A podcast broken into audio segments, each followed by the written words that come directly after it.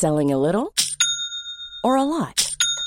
Shopify helps you do your thing however you cha-ching. Shopify is the global commerce platform that helps you sell at every stage of your business. From the launch your online shop stage to the first real life store stage, all the way to the did we just hit a million orders stage. Shopify is there to help you grow. Shopify helps you turn browsers into buyers with the internet's best converting checkout. 36% better on average compared to other leading commerce platforms because businesses that grow grow with Shopify. Get a $1 per month trial period at shopify.com/work. shopify.com/work. I'm Sandra, and I'm just the professional your small business was looking for. But you didn't hire me because you didn't use LinkedIn Jobs. LinkedIn has professionals you can't find anywhere else, including those who aren't actively looking for a new job but might be open to the perfect role, like me. In a given month, over 70% of LinkedIn users don't visit other leading job sites. So if you're not looking on LinkedIn, you'll miss out on great candidates like Sandra. Start hiring professionals like a professional. Post your free job on linkedin.com/people today.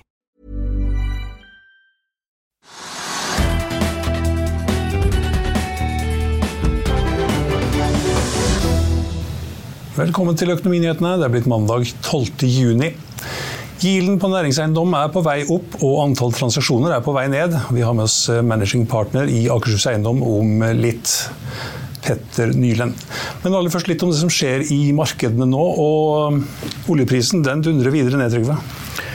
Ja, altså vi snakket om det i forrige uke, og da var mitt hovedpoeng, som det fortsatt er, det var det at OPEC bestemte seg for å redusere produksjonen med 1 million fat dagen, redusere, så var formålet åpenbart å få prisen opp. Prisen gikk jo opp da prisen lå rundt sånn 75-76 dollar per fat. Det var ingen bevegelse, Hvis det var noen bevegelse, så var det en liten tendens nedover. slik at liksom, Mot alle lover. Du kutter produksjonen, og prisen går opp. Så er liksom planen din. ikke sant? Men du har kuttet i produksjonen, så gikk prisen ned. Det var ikke helt meningen. Og nå har den fortsatt å falle. Det er det, er det som er viktig å si nå. Så har oljeprisen da kommet ned mot 72-73 dollar per fat. Til tross for den operasjonen fra OPECs side. Og det mener jeg tyder på at det er en underliggende svakhet i oljeprisen. Det vil si at den skulle egentlig liksom Den skulle kanskje stige, men så faller den likevel.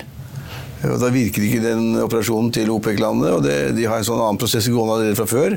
Hvor de har kuttet produksjonen for å få prisen opp. og Det virker ikke, det betyr at sannsynligvis det er ikke noe sikkerhet for at ingen kan holde prisen. Selv ikke de største oljeekspertene kan oljeprisen, men det ser ut som det er en svakhet i oljeprisen for tiden. Og Det slår også da ut i norske oljeselskapene, enten det er Equinor eller Aker BP eller altså andre oljetilknyttede selskaper som også er ned. Litt, litt, ikke mye. Så det er siger litt nedover. Jeg ser også at Goldman Sachs er ute med en oppdatering i dag, og de tror nå at oljeprisen i desember den skal, Tidligere så hadde de et anslag på 95 dollar, og nå tror de på 86 dollar. Det også ja, vi skal ned mot 70 også, kanskje. ja, De kan vel ikke ta så store kutt eh, i gangen, kanskje. Um, krona den styrker seg litt mot dollar i dag. Den har jo faktisk vært nede på ja, ned mot 10 kroner og 60 øre. Nå er den oppe igjen på 10,80. Ja, altså ligger, det som er Poenget er at den ligger langt under 11 kroner, og euroen ligger langt under 12 kroner. Svekker seg mot 30-40 øre på begge to ned. Ja. Og det er jo veldig mye. og det er en usannsynlig svak krone. Det er jo, alle ekspertene her diskuterer, alle har en egen mening. Og ingen vet helt riktig hva som foregår. Er det rentedifferanser, det er det norsk økonomi, er det politikernes nye skatteregler? Det er, det, det er så mange forslag. Og, det er politikernes ansvar. og Liten, produktivitetsvekst i Norge osv. Det er altså så mye de snakker om, men jeg tror på rentedifferanse. jeg tror at Norges Bank er i ferd med å skulle heve renten, og det har de vært lenge. De ikke klart å gjøre det om, om noen dager. Og så får vi en renteevning i høst også. Det vil si da, og kanskje er det slik at de store landene går såpass store at de må, de må la være å senke renten. De holder den konstant, eller senker renten litt i noen land. Så rentedifferansen da går liksom da i Norges favør. Mye høyere rente. og det det tror jeg er det viktigste argumentet, og ikke det politiske. Ikke det at vi har fått nye skatteendringer, ikke det at politikerne vingler litt, men det er rentedifferansen er stor. Og så er det kanskje det er på tynn is, altså kanskje det at norsk økonomi kanskje går litt dårligere enn mange vil ha det til. Det ser så veldig fint ut på ledighetstallene, sysselsettingen. Det ser så bra ut, men det går kanskje litt dårlig. Det er litt liksom sånn, det knirker litt for tiden. Ja, jeg var inne på det. Den hadde styrka seg litt mot dollar, men svekker seg igjen i dag. Og det samme også mot euro og pund. 11,63 mot euroen og 13,57 mot uh, pundet. Du vet, Øystein, bare for å ta en kort replikk der. Altså, det er jo folk som reiser uten, og de merker to ting. For det første så det da, gjør kronekursen det blir veldig mye dyrere å veksle til utenlandsk valuta. Men i tillegg så er det da det man ser rundt om i Europa nå, det er at prisene har gått kraftig opp. Så du har liksom fått en prisøkning på 15-20% på viktige varer som du er vant til å kjøpe, enten det er restaurantbesøk eller hva du nå måtte kjøpe i London eller på Frankfurt eller hvor du måtte kjøpe det. Men det er blitt dyrere i butikkene. Man sier at det er blitt klart dyrere, og så kommer da valutavekslingen på toppen. Så kanskje har du 30-40% dyrere ting. Hotellrom som kostet 2000 kroner før, venner av meg var i helgen i London, liksom, kostet 2000 kjempeproblem. nå koster 5000. Så, så det, det, ja, det, er ikke, det, er ikke, lett å være nordmann i utlandet for tiden. Det er det ikke. Turistreisende i hvert fall. Det er ikke så lett å være PGS heller. De mista en kontrakt, og aksjen er rett ned. Ja, men det, det er en kort kommentar til også. Altså, PGS er et, det var et selskap som var langt nede, veldig langt nede. og Så var det litt på vei opp igjen, og så begynte de å melde stadig. Når de fikk kontrakter, så ble de sendt til Oslo Børs, og det skal man kanskje gjøre over et visst nivå. De var veldig ivrige på å sende kontrakter, siden nå går det bra, vi har mye å gjøre. Og nå fikk de da én melding om en kontrakt som var litt gikk dårlig. De mistet en kontrakt. Den var ikke stor heller, det var en bitte liten kontrakt. 20 millioner, hva var det?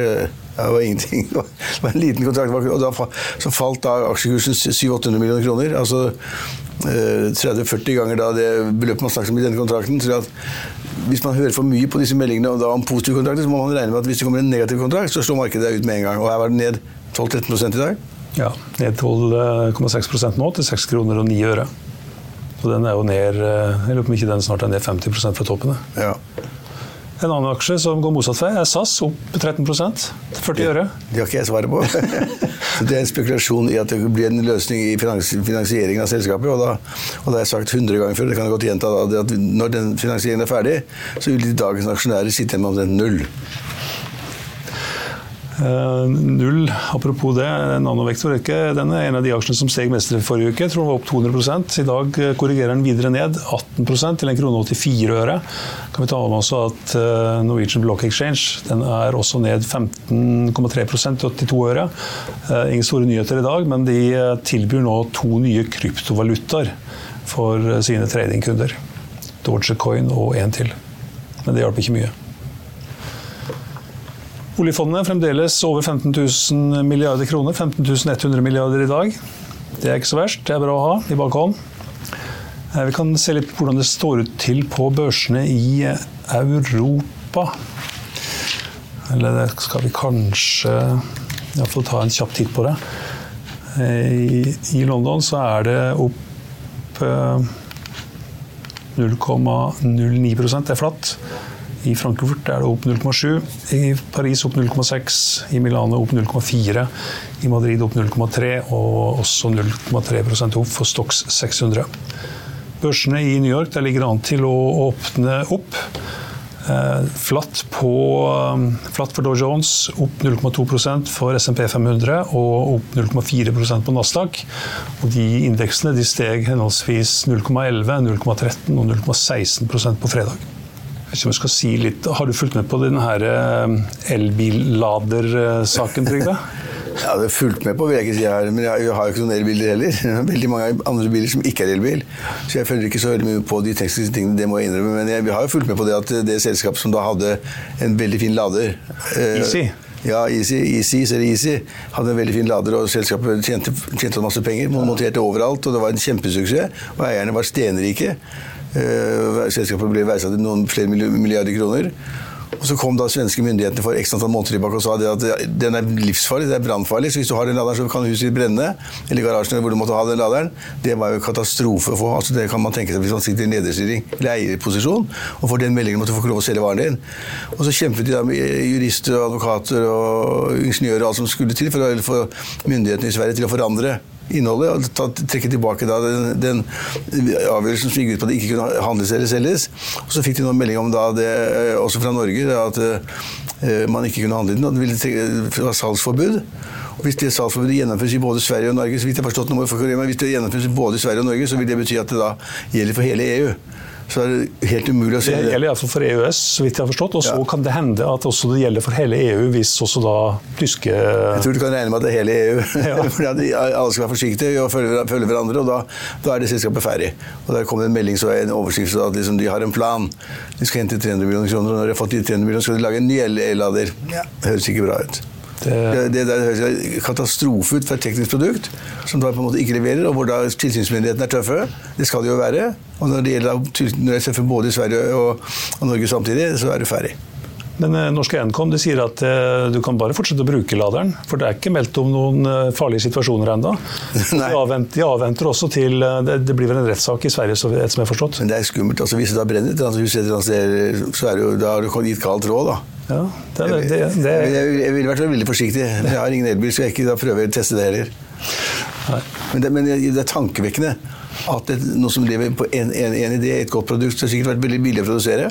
Enkelt å lave Og så er det da interessen er stor. Man ser som bare rakkeren alle skal ha det. Og så det, blir det utestengt fra markedet for at det er teknisk ikke tilfredsstillende eller godt nok. Og så er hele businessen borte. Over natta. Over natta. Eh, det går litt bedre med Norse. De frakta 58 000 passasjerer i mai med en fyllingsgrad på 73% men 58 000 passasjerer det er vel ikke så fryktelig mye? Nei, det er... 1,9 millioner med Norwegian, var det? Ja, og, og også, ja absolutt SAS også. Ja. Så De opererer i underkant av to millioner i måneden. Så det er ingenting. De har få fly, det er ingenting, og de har tapt masse penger. De tapt i første kvartal 500 millioner eller sånt, jeg vet ikke, det var helt ville tall. Men hvor da eierne sa det at dette helt, har full kontroll, det er helt etter planen skummel plan, sier jeg da. De har ikke tatt i bruk alle flyene sine heller, så vidt jeg kan se. Det, Nei, det, det er et lite selskap. Det er lite selskap. De skal ta, prøve å ta markedsandel i det internasjonale markedet. Og det er lavpris internasjonalt. Det, å tjene penger på det er kjempevanskelig. Etter en eh, kort pause så har vi med oss eh, Petter Nyland, managing director i Akershus Eiendom. Vil du bli oppdatert på det viktigste som har skjedd innen finans og næringsliv? Da er det bare å følge med, for hver morgen er jeg, Marius Lorentzen og aksjekommentator Karl Johan Malnes på plass i studio for å ta tempen på dagens marked i Børsmorgen. Og hver ettermiddag oppsummerer vi alt du trenger å vite i økonominyhetene, og det blir selvfølgelig masse interessante gjester. Klikk deg inn på fano-tv, eller søk opp Børsmorgen og Økonominyhetene der du hører på podkast.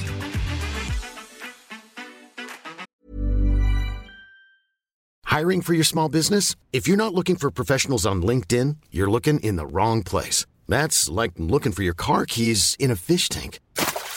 LinkedIn helps you hire professionals you can't find anywhere else, even those who aren't actively searching for a new job but might be open to the perfect role. In a given month, over 70% of LinkedIn users don't even visit other leading job sites. So start looking in the right place. With LinkedIn, you can hire professionals like a professional. Post your free job on linkedin.com slash people today. I'll see you in court. Vi sier det ofte litt på spøk, men for deg som driver business, er det aldri moro å innse at du ikke har laget en 100% gyldig kontrakt. Du bør ikke risikere hele firmaet ditt fordi du synes dette med kontrakter er litt stress. En avtale er ikke en avtale. Du kan miste kunder, miste venner, ja, til og med miste inntekter om du ikke lager en skikkelig kontrakt, på alt mulig, egentlig. Men vi vet det er et styr, kopimaskiner, tregprinter og haugevis av papir. Dessuten stoler vi jo på folk her i landet.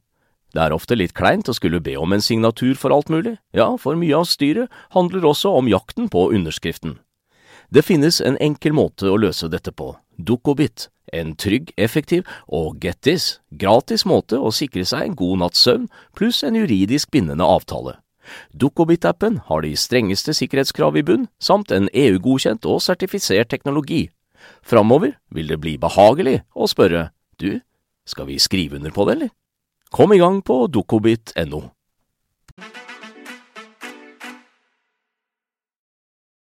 Ja, da har vi fått med oss Petter Nyland i Akershus Eiendom. Velkommen. Takk for det. Dere opererer som rådgivere i eiendomsmarkedet, mye næringseiendom. Dere bistår med verdivurderinger, utleie, transaksjoner etc. Eh, og dere har gjennomført eh, transaksjoner for i overkant av 100 milliarder kroner siden 2015. Og så har dere omsetning på rundt 200 millioner i året og tjener 60, sånn cirka. Mm. Hvordan var det i 2022?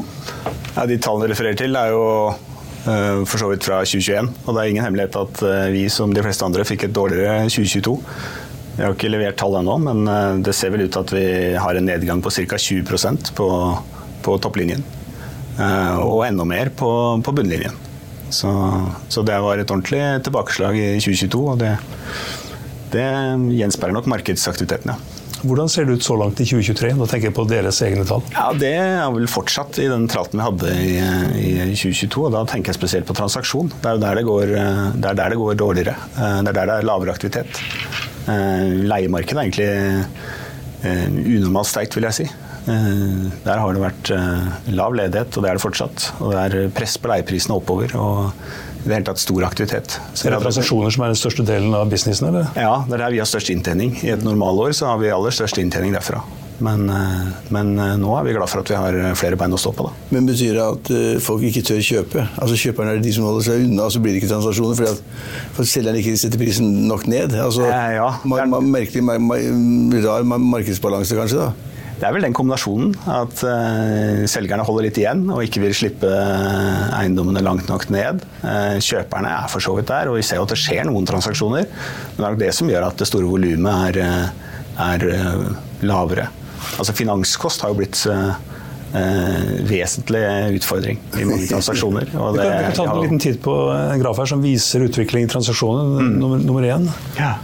Skal vi se ja, Den viser vel uh, Altså, den viser jo egentlig Den viser yielden, egentlig. En sammenheng mellom uh, yielden, som da blir prisen på, på, næringseiendom i de fleste tilfeller, målt mot uh, tiårsrenten, tiårs swaprente. Ja. Her har vi riktig, uh, riktig graf, den, mm. den, andre her, som viser at det var ganske høyt volum i 2020 og 2021.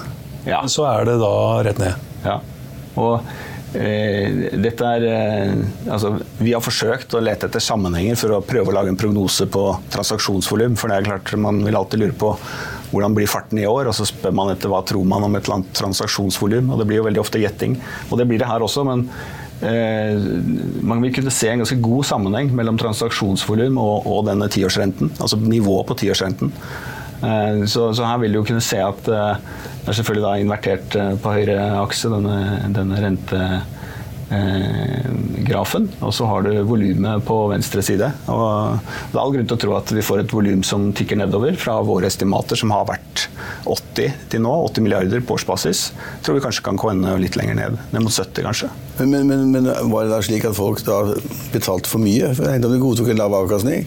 For de skulle bare ha den eiendommen, de skulle ha det bygget. De skulle, altså, det var altfor lett med transaksjonsvolumet. Det bare liksom fløt igjennom hele tiden. Og så, så var altså, kjøperne slappe. da, De godtok ok, jeg kan leve med en avkastning på 2,5% eller 3% eller en GIL på ja. ja. og Det kunne man jo ikke leve med over tid. for hvis renten er høyere enn det, 3-4-5% så er man jo minus. Ja, Nei, Det er en god observasjon. Altså, så lenge renten uh, er der den er nå, så er det lett å se etterpå at det vi hadde i de to årene vi har lagt bak oss med nullrenter, uh, var for lett. Var for lett, var for godt til å være sant, kunne ikke fortsette. Eh, men i det markedet man sto i, så var jo langsiktige renter og alle tendenser så ut som at dette skulle, skulle vare ved lenger enn det, enn det nå har gjort. Da. Jo... Vi kan se på en graf som også illustrerer det, ja. som viser utviklingen i gilden da, de siste årene. Ja. Det var det, det er den forrige. Den andre, Man må tilbake til den forrige, da. Nei, første. ja. Den, ja. Den viser jo eh, egentlig, ikke overraskende, en veldig god samvarians mellom eh, lange renter, i dette tilfellet swap-renten, og, og, og, avkastning på, på næringseiendom, eller avkastningskravet, gilden. Det var nede i 3,5 sånn i snitt, men det var ja. kanskje noen som eh, godtok en enda lavere gild? Ja da, vi så nok transaksjoner som bikket under tre også. Og, eller i hvert fall eh, helt, helt der nede. Og, eh, og, på spesielt gode objekter så kan det, kan det ha vært eh, en god, fornuftig prising. Og nå er vi på? Ja, Vi har vel vårt estimat nå på fire, og det, er, det tikker oppover. Vi tror fortsatt at det, særlig med de siste ukene nå, hvor det har vært ytterligere press på renten, så er det veldig vanskelig å forsvare et gildnivå på fire blank. ja. Prisen skal ned. På, gode, skikkelige eiendommer med en bra utleieprosent, så skal, så skal prisen ned. Ja, så er det litt forskjell. da. Vi ser at eh, eiendommer med utviklingspotensial, de som du kan på en måte høste av eh, leieprisutvikling, og den har vært veldig sterk. Der du kan høste av det, altså dvs. Si at løpetiden er kort, kanskje, kortere, eller at du kan gjøre grep, du kan bygge ting, gjøre ting, så er det absolutt eh, transaksjoner som skjer også på kall det eh, skarpere priser, da, hvis man kan kalle det det. Ja.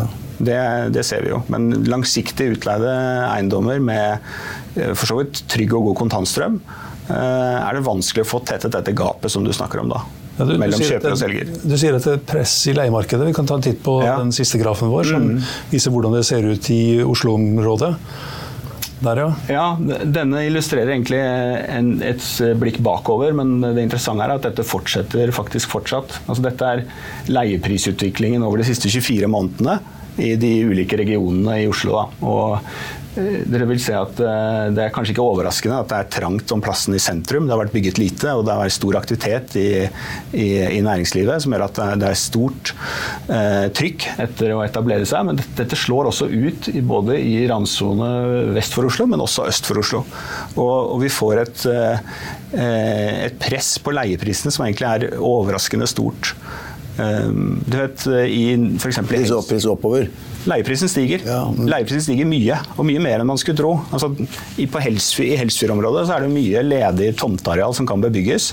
Men pga. at byggeprisen har steget mye, um, og gildene har steget, så får du et eh, press oppover på, eh, på den leien man trenger for å forsvare et nybygg. Ja.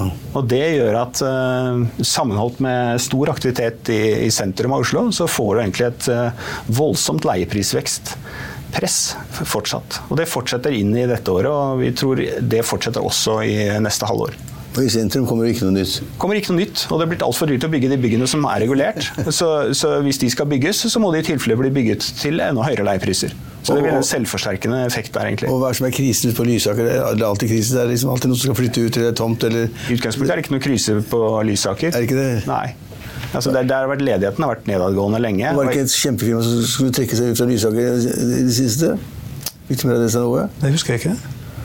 Jo, det var et av de største firmaene som sa det at nå vil- Storebrand du tenker på, kanskje? Hva? Storebrand du kanskje tenker på? Ja, de de har hovedkontor for Lysaker. Ja, De som skal kvitte seg med store bygget sitt? Ja, nettopp. Brannsalg kalte vel Finansavisen det, tror jeg. ja, så det, husker Det er ikke Storbrann sitt bygg, men eh, Nei, nei, de er er leietagere der. Ja. er leietagere, Og de skal visstnok ut, og da var det krise for det var, hvordan skal man fylle det opp liksom, etterpå. Ja, det er et eksempel på et bygg som har utfordringer med, med hensyn til finansiering. Ja. og, og, Satt sammen med sånne kjøpegrupper som skulle leve godt på det, og så plutselig så var det ikke så godt å leve av det likevel. Ja, det kan du si. Det, det, det, det er eh, er kanskje, dere er kanskje rådgivere der? Vi er involvert i den saken, ja. Det er vi. Så mm. Kan du si noe om hva gilden ligger på der? Nei. Nei. Det, det, jeg er ikke involvert direkte. Eh, nei, men det, det er et godt eksempel på, på prosjekter som på på standalone basis har sine utfordringer. Til tross for at leieprismarkedet da, har vært sterkt, så, så er det jo absolutt en krevende oppgave å gå løs på å fylle et sånt bygg med en ny leietager, og dermed holde kontantstrømmen løpende. Ja, men så jeg så det at det var ganske sånn profesjonelle eiere, altså sånne, eller næringslivsfolk som da hadde brukt pengene sine på å kjøpe seg inn osv. De kan ikke være så veldig gode. da. De måtte kunne regne på at liksom, det kunne bli en renteøkning på denne tiden av ja, tusenårsskiftet. ville bli en renteøkning, og så da Leienivåene kanskje var litt for dårlige til å holde dette gående, og så var det kanskje ikke så lett å korrigere eller justere leienivåene opp heller. Det, det, det, var, det var en dårlig spekk. Mm. Altså var spekket på at rentene alltid skulle være lave, det er en dårlig spekk. Og, det, Alle som er så forsiktige. at leiene alltid skal kunne opp, er også det er en dårlig spekk. For det, det er klart at mange har kommet gratis til ting ved hvert eneste år å øke rente, altså leienivåene med 2 eller 3 eller 4% eller hva det måtte være, avhengig av inflasjonen. Men det har vært, det har vært en ganske lett sånn ja, lett en- enkel business, da. Men det er ikke så lett lenger, lenger nå. Det er i hvert fall lettere å se sånne ting i bakspeilet. ja, det er jeg enig i. Jo, men Det er det, men, Men, er det sånn press på leieprisene. Eh, Da kan det ikke være så veldig stort verdifall for den type eiendommer i Oslo? Nei, jeg vil si at Generelt så har eiendom med utviklingspotensial holdt seg bedre enn andre eiendommer. Eh, Men det er klart alle eiendommer har fått, eh, fått merke renteoppgang. Og, eh, og avkastningskrav slår jo på alle, alle kontantstrømmer, for å si det sånn. Men Går det an å si noe i snitt hvor stort fallet har vært i eh, verdiene? Eh, Ja, det gjør det nok. Jeg har ikke med noe graf på det. Men vi har vel egentlig sett et verdifall i størrelsesorden 15 kanskje. Eh, 15-20 kanskje også, på enkelte eiendommer. Eh, Ja, det er vel noen segmenter som, er litt, som det går litt verre i enn Ja, andre? og Det som har holdt seg bra, er jo boligutviklingsprosjekter, som jo vi definerer som næringseiendom. Det, er, eh, det har holdt seg veldig bra. Der har appetitten vært eh, sterk. Det kom en transaksjon i dag da, som kanskje tyder på noe annet? Hvis du tenker på Bonava Ja. Ja. eh, På den annen side så er det i hvert fall et tegn på at det er appetitt på den type selskaper. Da. Jo. den type utviklingspotensial. Men, men når, må ta en, må- når, Bonava må ta et tap på 700 millioner da er prisen ned. Ja. surprise, surprise. så, Ja, ja. så- så må jo det bety at de enten har vurdert eh, eiendommen for høyt eller prosjektet for høyt tidligere, Mm. eller at de da gir en større rabatt enn de kanskje ellers hadde trengt. hvis Mm. de ikke hadde vært i en krisesituasjon. Ja. Men når du har GIL yield på 2-3 eller hva det måtte være, så er det klart at det må jo bli en nedgang i Altså Når Jim da går opp, som det har gjort i det siste, fra 2-3% til 4-4,5, så er det helt åpenbart at, at verdien av, av disse byggene i sentrum har gått ned med som du sier 15-20 Det er matematikk, det. Ja.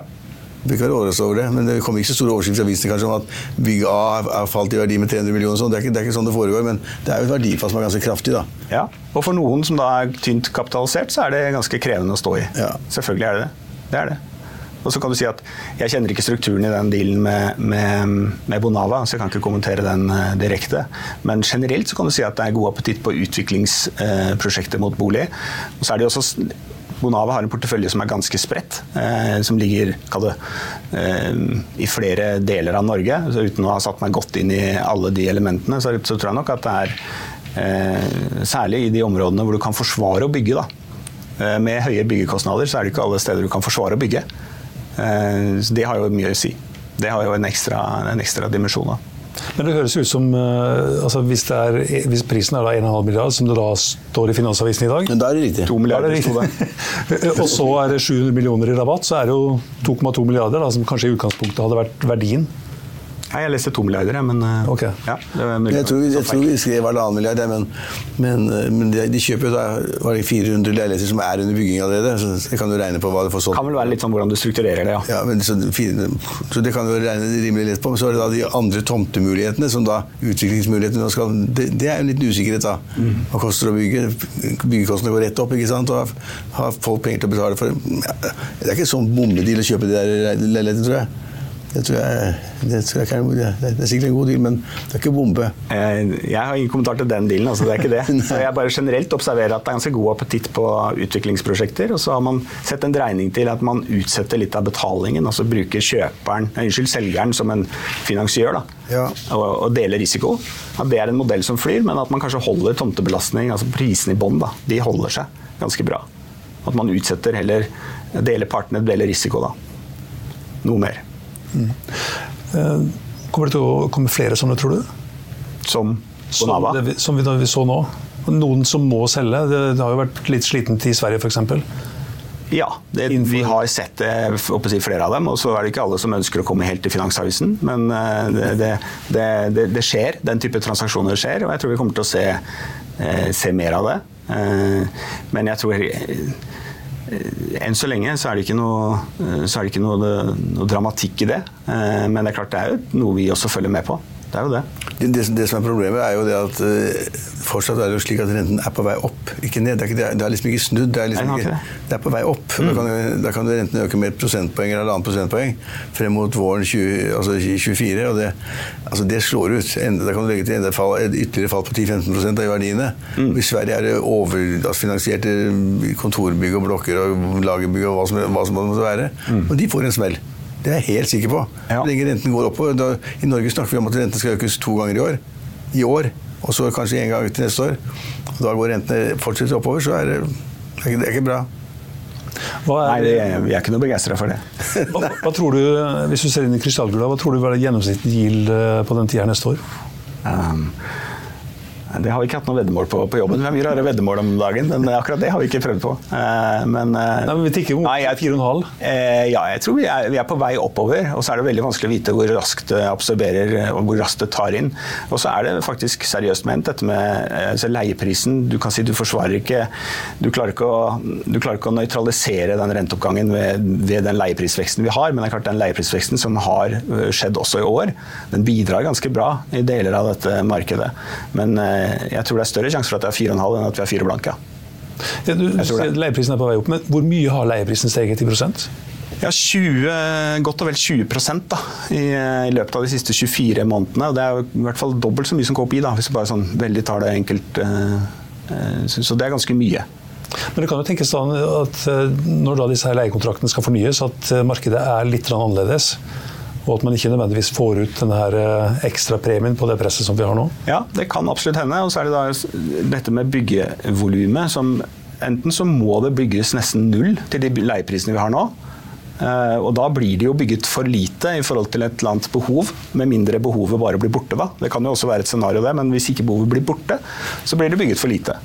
Eh, og Da må enten leieprisen opp, eller så må byggeprisene dramatisk ned. Og Det siste kan ikke jeg svare for om kommer til å skje, men eh, jeg har vanskelig for å tro at de kommer ned med liksom 30-40 eh, Så hjemmekontoret tar ikke over enda? Nei, selv om det er for så vidt et interessant fenomen. I USA har vi jo sett at, og for så vidt hele verden har vi sett at det hjemmekontorspøkelset har blitt veldig stort.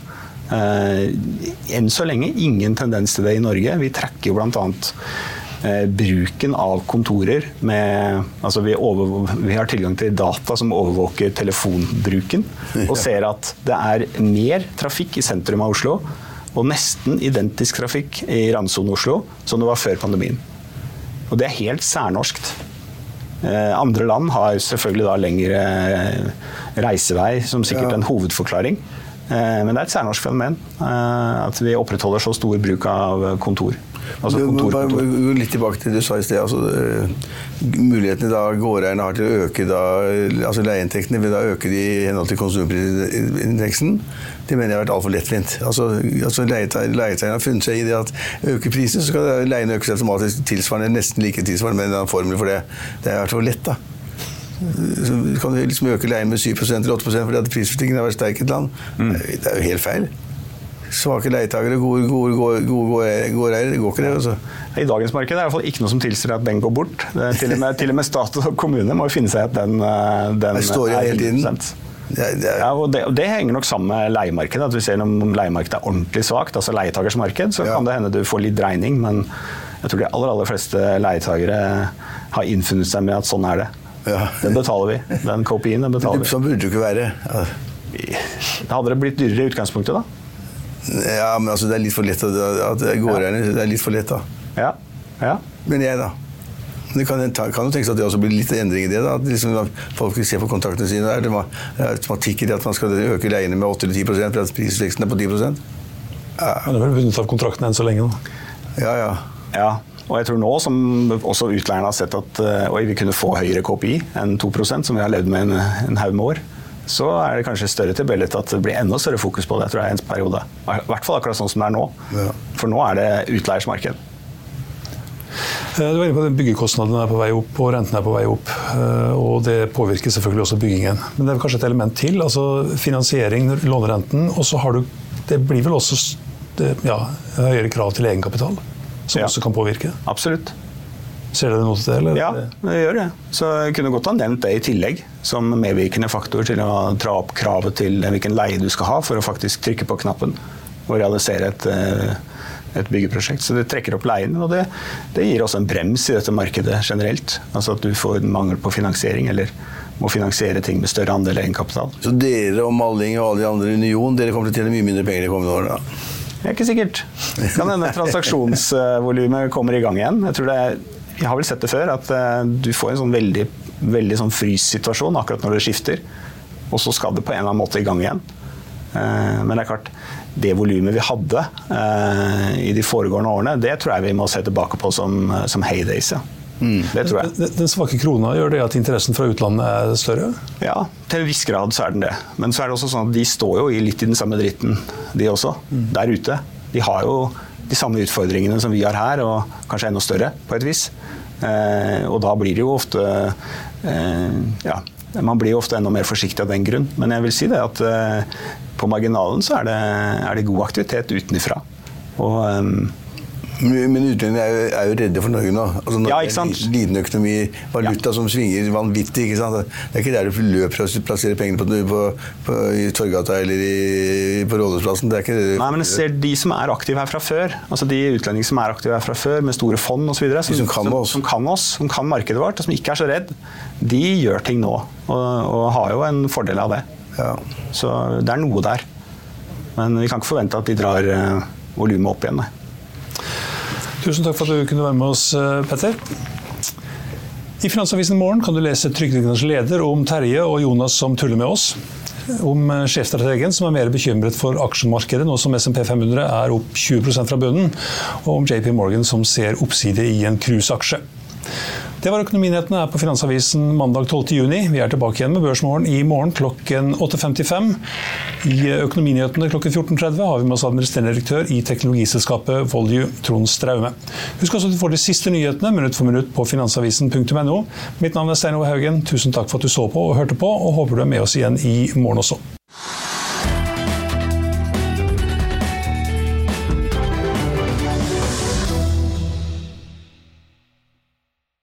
Økonominyhetene er en podkast fra Finansavisen. Programledere er Marius Lorentzen, Stein Ove Haugen og Benedikte Storm Bamvik. Produsenter er Lars Brenden Skram og Bashar Johar.